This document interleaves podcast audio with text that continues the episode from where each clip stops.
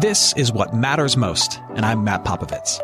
Look, life is crazier than ever, and lots of people, maybe even you, are feeling anxious and overwhelmed. Today's message is designed to help you figure out what's most important and to experience the peace and joy that God intends for you. Because life is a gift, and it shouldn't be wasted on worry. I'd like to give you a resource, something to help you navigate the road ahead. Just go to mattpopovits.com, click on the icon, and we'll send it to you. That's Matt, P-O-P-O-V-I-T-S dot com. And hey, if you happen to live in the Houston area, I'd love to see you on a Sunday morning at St. Mark in Spring Branch. Head to stmarkhouston.org to plan your visit. Here's today's message. Thanks for listening. And today we're going to look at charity or, or kindness to strangers, giving to those in need, which is something I think is particularly pressing for those who live in an urban environment. Um, in an urban environment, the need of other people is always before you. If you live in a suburban environment, there is need as well, but the need is usually hidden behind homes. It's hidden behind front doors. It's hidden in other areas. But in urban life, it's, it's always in front of you. You don't have to wander too far to, to discover uh, a neighbor in this city who is sleeping in the cold with their story written on a cardboard sign. Uh, you will always be able to find a musician in Union Square playing their money and at, playing their music and asking for money. Uh, you will see a family board the train and uh, the son is playing the accordion and they're collecting money because they're in need of food. Um, if you're on the train shortly after school gets out, you'll see the Showtime dance crew show up, right? And they swing on the subway poles and they kick their hat from their foot onto their head. And I've always wondered, where do you practice the swinging on the subway poles? Where does that happen? What do you do when confronted with the need of others? What do you do? I think a better question for today, given what Jesus is about to say to us again in Matthew chapter 6, is this Why do you do what you do when confronted with the need of others? Why do you do what you do? Here's something I think is universally true. We all know that we should do good in general and do good for others in particular. We all know that that's what should happen. There is this universal awareness that keeping my stuff to myself at the expense of others is wrong, greed is wrong, and sacrifice for my neighbor is right. That's why, for example, we collectively, as a community of human beings, we are collectively repulsed when we hear about people doing the opposite of that. This week, there were two stories that made the news. Uh, there was a church in San Francisco, and uh, if you don't know, San Francisco has has one of the largest homeless populations in the United States. This church in San Francisco had an issue with the homeless population sleeping on the front lawn of the church, and so they installed a sprinkler system to keep the homeless from sleeping on the church grounds, so that when homeless people gathered at night on the church grounds, they turned on the sprinkler system. It got the homeless wet, and the homeless went away. Um, not the best PR move nor the best Jesus move. We all know that we should do good for others. And when we hear stories like that of a church turning on its sprinklers and shooing away the homeless, or someone raising money for a jet in Jesus' name, something inside of us just says, no, that's probably not right. And maybe that's why when Jesus steps up and Jesus gives his longest teaching on charity, when Jesus gives his most explicit teaching on generosity, he doesn't spend any time telling people that they should give. He doesn't tell us that we should give. He assumes that you will give because we all know that we should. He assumes that you will give. Instead, he skips that part and he digs deeper. And he invites us to peer into our hearts and examine our motivation for doing good. I would offer to you that when we do good, when we show generosity to others, we tend to have one of two motivations.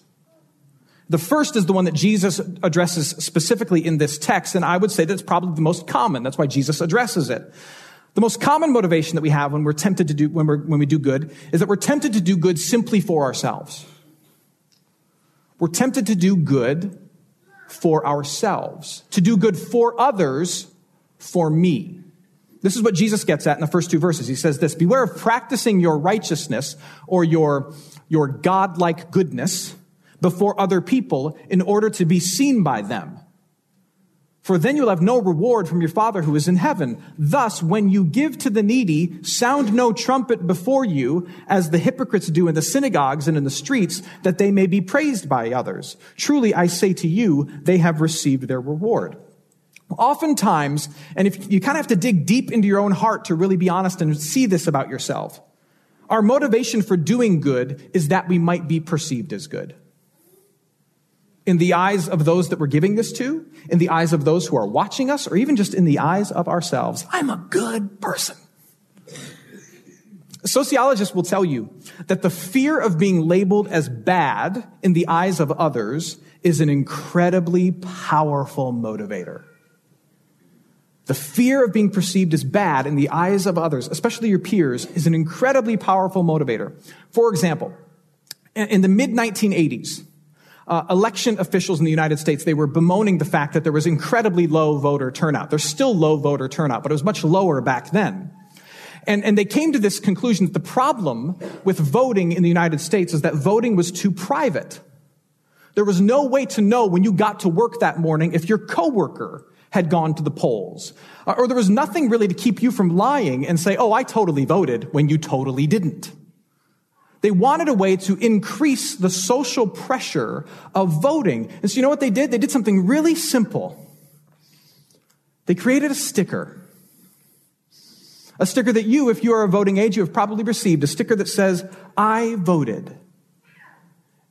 And they gave it to every single person who went to the polls across the United States. And wouldn't you know it, in the following years, turnout increased. You want to know why? Because others could now ask, Where's your sticker? Now there was social pressure. There was public proof of you being a good citizen. You see, the rise in voter turnout wasn't simply due to more people loving their country. It was due to the fact that people wanted to be perceived as someone who loved their country. When you crack open our hearts, you will see that the reason behind much of our righteousness is for it to be seen by others.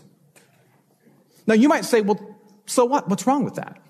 I mean, as long as the good thing gets done, as long as the right thing happens, what does it matter what, what, what the engine is that's driving the car? What does my motivation matter? What harm does it do? Well, I would give to you a handful of things. First, I would say it's just disingenuous. And I'm as guilty of this as anybody else. People think we're compassionate when in reality we're just insecure. People think we're compassionate when in reality we're insecure. It's also self-serving. I'm not giving to that mom on the subway for her good. I'm using her so that I can be good. She becomes a tool that I use in building up my own self-image. But Jesus gives us the biggest reason of all to be wary of this motivation of, of doing good in order to receive good. He says this, he says, you can't live as a slave to the applause of others and as a servant of God. The human heart only ever has room for one master at a time. When things are done for the approval of others, they are done outside of faith in God the Father. When things are done for the approval of others, they are done outside of faith and trust in God the Father. Because I've done that good thing, trusting in others, trusting in, in the audience to get the acceptance and the approval and the wholeness that can only come from Him. So Jesus says in this teaching, heads up, you can do good in order to look good, and you may very well, in fact, end up looking good. You will get your reward. But that motivation gains you nothing in the eyes of God. Heads up. Now, the other motivation comes in here. And this is the one that religious people often get caught up in. Uh, knowing that we are tempted to do good for others simply for ourselves, we tend to overcorrect in the other direction. Uh, when I was 16 years old, my dad was teaching me how to drive back home in, uh, in Michigan, my, where I grew up. And he took me out to drive in the middle of winter and he he purposely had me drive into a slide. Like he's, he wanted me to get the, the car sliding on the road. We were on an open kind of back road and teach me how to pull out of the slide. And so he had me drive and had me slam on the brake and we started to slide. And he said to me, now your temptation is going to be to steer hard in the other direction. But if you overcorrect in the other direction, you're just going to end up in the ditch. So you got to fight your senses and steer into the slide a little bit. I thought of that when, when studying for this because what happens is if we recognize that, that I tend to do good for others only to do good for myself, we as Christians, we tend to overcorrect in the other direction and we still end up in a ditch. Knowing that we're tempted to do good for ourselves, we mistakenly say, well, I get it. I, I know what I'll do. I'll do my good for God. I'll do my good to show my devotion to Him. I'll give to others in need to please Him, to put a smile on His face and show Him just how much I love Him. That's what I'll do. And, and that is grounded in two big misconceptions. First, it's grounded in the misconception that God is somehow lacking. That God has a deep need for your good works. There's this image of God sitting in heaven with a, with a frown on his face and sad music playing in the background. And he's just waiting, watching, wishing that you would do good. And when you pass by that homeless brother or sister, he cries deep tears and the Holy Spirit has to cheer him up. But the truth is this, God lacks nothing. He has compassion for all things, but lacks nothing. He does not have a need for your good work. He commands your good. He does not need your good. And there's a difference. I hope you're enjoying today's message. For more of what matters most, you can head to mattpopovits.com. There you'll find other messages. You can support this ministry as well as access your free gift. Oh, and if you're looking for a local church and you live in Houston, come and see what's happening at St. Mark Houston. To plan your visit, head to stmarkhouston.org. Thanks for listening, and back to today's message. The second misconception is that my good work somehow sways God. Like when I do good, it, it proves my devotion and it kind of convinces him to keep me on the, on the payroll or give me a promotion. And, and yet the scriptures bend over backwards to tell us the opposite. The scriptures bend over backwards to say, God loves you, but you cannot be good enough for God. You, you can't be good enough for him. Not because he's mean, but because he's holy and you're human and there's a huge difference. The gap between, between God's holiness and our humanness is, is wider than, it's wider than the Grand Canyon, which I've never been to, but I've heard is very wide. Like, you, you can't give enough money to street musicians to fill up that gap so that you might walk across it and get God's ear. You can't adopt enough children from a foreign country. You can't rescue enough animals from the ASPCA to fill that gap with your goodness to connect you back to your creator so that you might get his ear, influence him, sway him, and win him over with how awesome you are. You can't do it. Imagine this. Imagine you have a small child. Imagine you have a small child, six years old. That six year old comes off the school bus one day, comes bounding into the house, home from kindergarten, and you ask that six year old about her day, and she looks at you and she says, Oh, I had a great day. I helped my friend, I listened to my teacher, and I made you this. And that six year old hands you a piece of art. That art is made with macaroni and green marker and lots of glue. And they hand it to you. And you look at your little six year old and you say, well, what got into you being such a nice and generous child today? And that six year old looked at you and said, I did it because I want you to love me. Your heart would sink. You don't think I love you? Well, what, what a terrible burden for that child to bear. You would grab that child, you would put that child on your lap, you would look that child in the eyes, and you would say, Sweetheart, you can't make me love you more. You can't make me love you more. I am so thankful for what you did today, but I loved you before you even got on the bus. I love you because you're mine, not because you're good. And the same is true with God. He does not love us more because of our macaroni art. Now, this is the point in the conversation where some people feel stuck if I can't do good for others for myself, and if I, I can't even do my good for others for God, then what motivation is left for me to do good for other people? And the answer is so painfully simple, you might slap me for being sarcastic. Jesus invites us to be good for our neighbor who needs the good. God doesn't need your good works, but your neighbor does.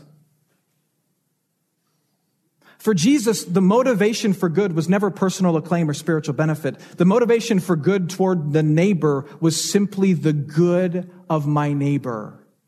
Why give to the man playing on the train? Because he needs and you have.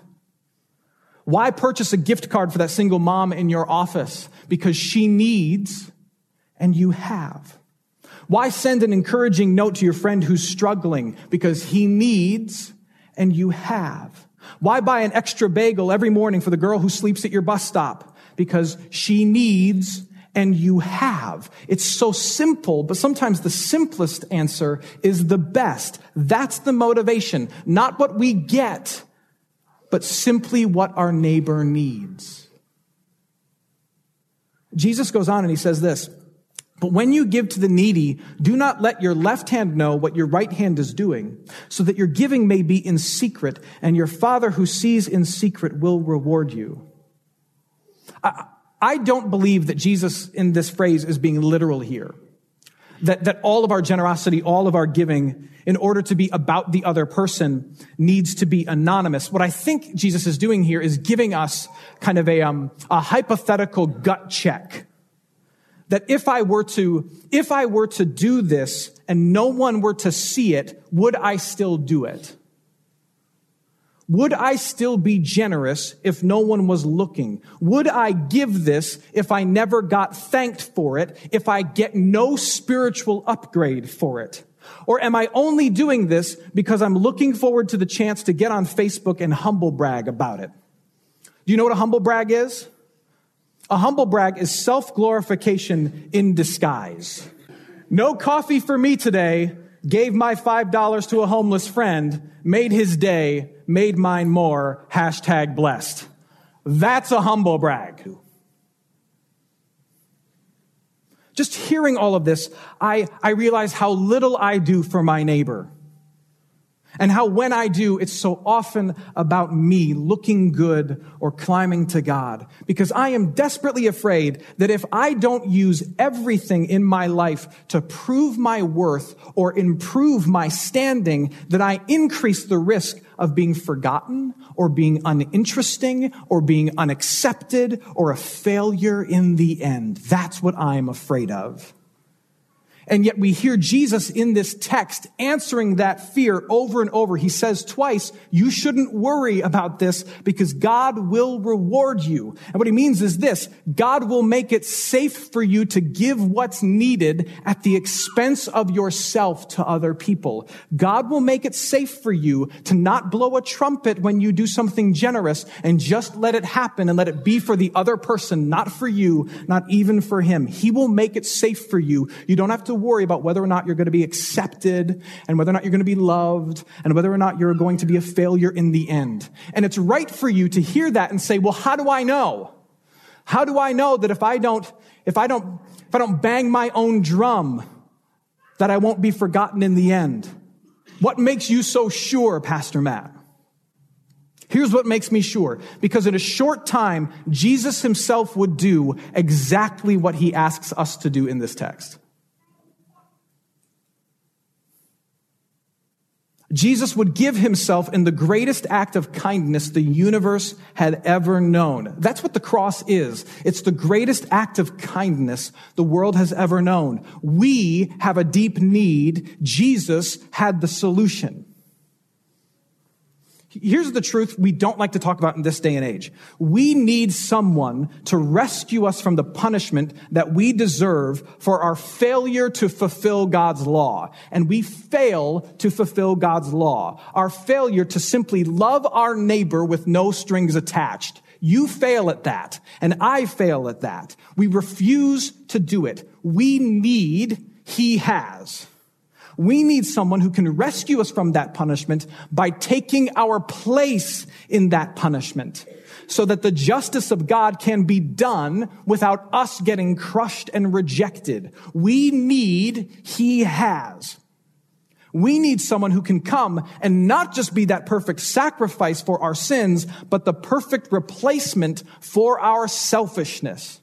Someone who can live with total obedience, with absolute love, with unquestioned character, and meet every one of our Creator's commands, and then give that perfection to me so that I can wear it as if it's my own and be seen as God's child and not for the fraud I really am. We need, He has. And so without saying a word, He gave. He didn't have Matthew, Mark, Luke, or John issue a press release ahead of time. He just climbed on a cross and he gave. It is safe to sacrifice for others because Christ has sacrificed for you. God the Father, through the work of Jesus Christ, has made you his child. He now loves you before you got on the bus. And so no matter what happens at school, whether you're, whether you're a horrible child that day or you're the most generous child that day, whether your goodness gets recognized or your goodness gets ignored, he has good things waiting for you when you get home. In January 1997, a mystery was solved that baffled people for nearly a decade. Somebody for nearly a decade had been giving away millions upon millions upon millions of dollars. And the recipients didn't know why the gifts came. They didn't know who to thank. The money drizzled into to universities, to hospitals, to individuals, and to charities around the world, and it always arrived in the same fashion. It arrived in a cashier's check and accompanied by a small note that said the giver wanted to remain anonymous. Around the same time, 1997, Forbes magazine listed Charles Feeney as one of the 400 richest Americans. Uh, Feeney at the time, he's still alive, was a 66 year old businessman from New Jersey, owned a very successful company. And yet, when Forbes was doing its fact checking, it discovered that Feeney's wealth was only 1% of what they'd estimated. How could they have been so far off? It turns out Feeney was the one who'd been quietly giving his money away, and at that time he'd given away nearly $4 billion. The richest 1% of Americans give on average 2% of their annual gross income to charity. Yet this man had given away 99% of his wealth without anybody knowing.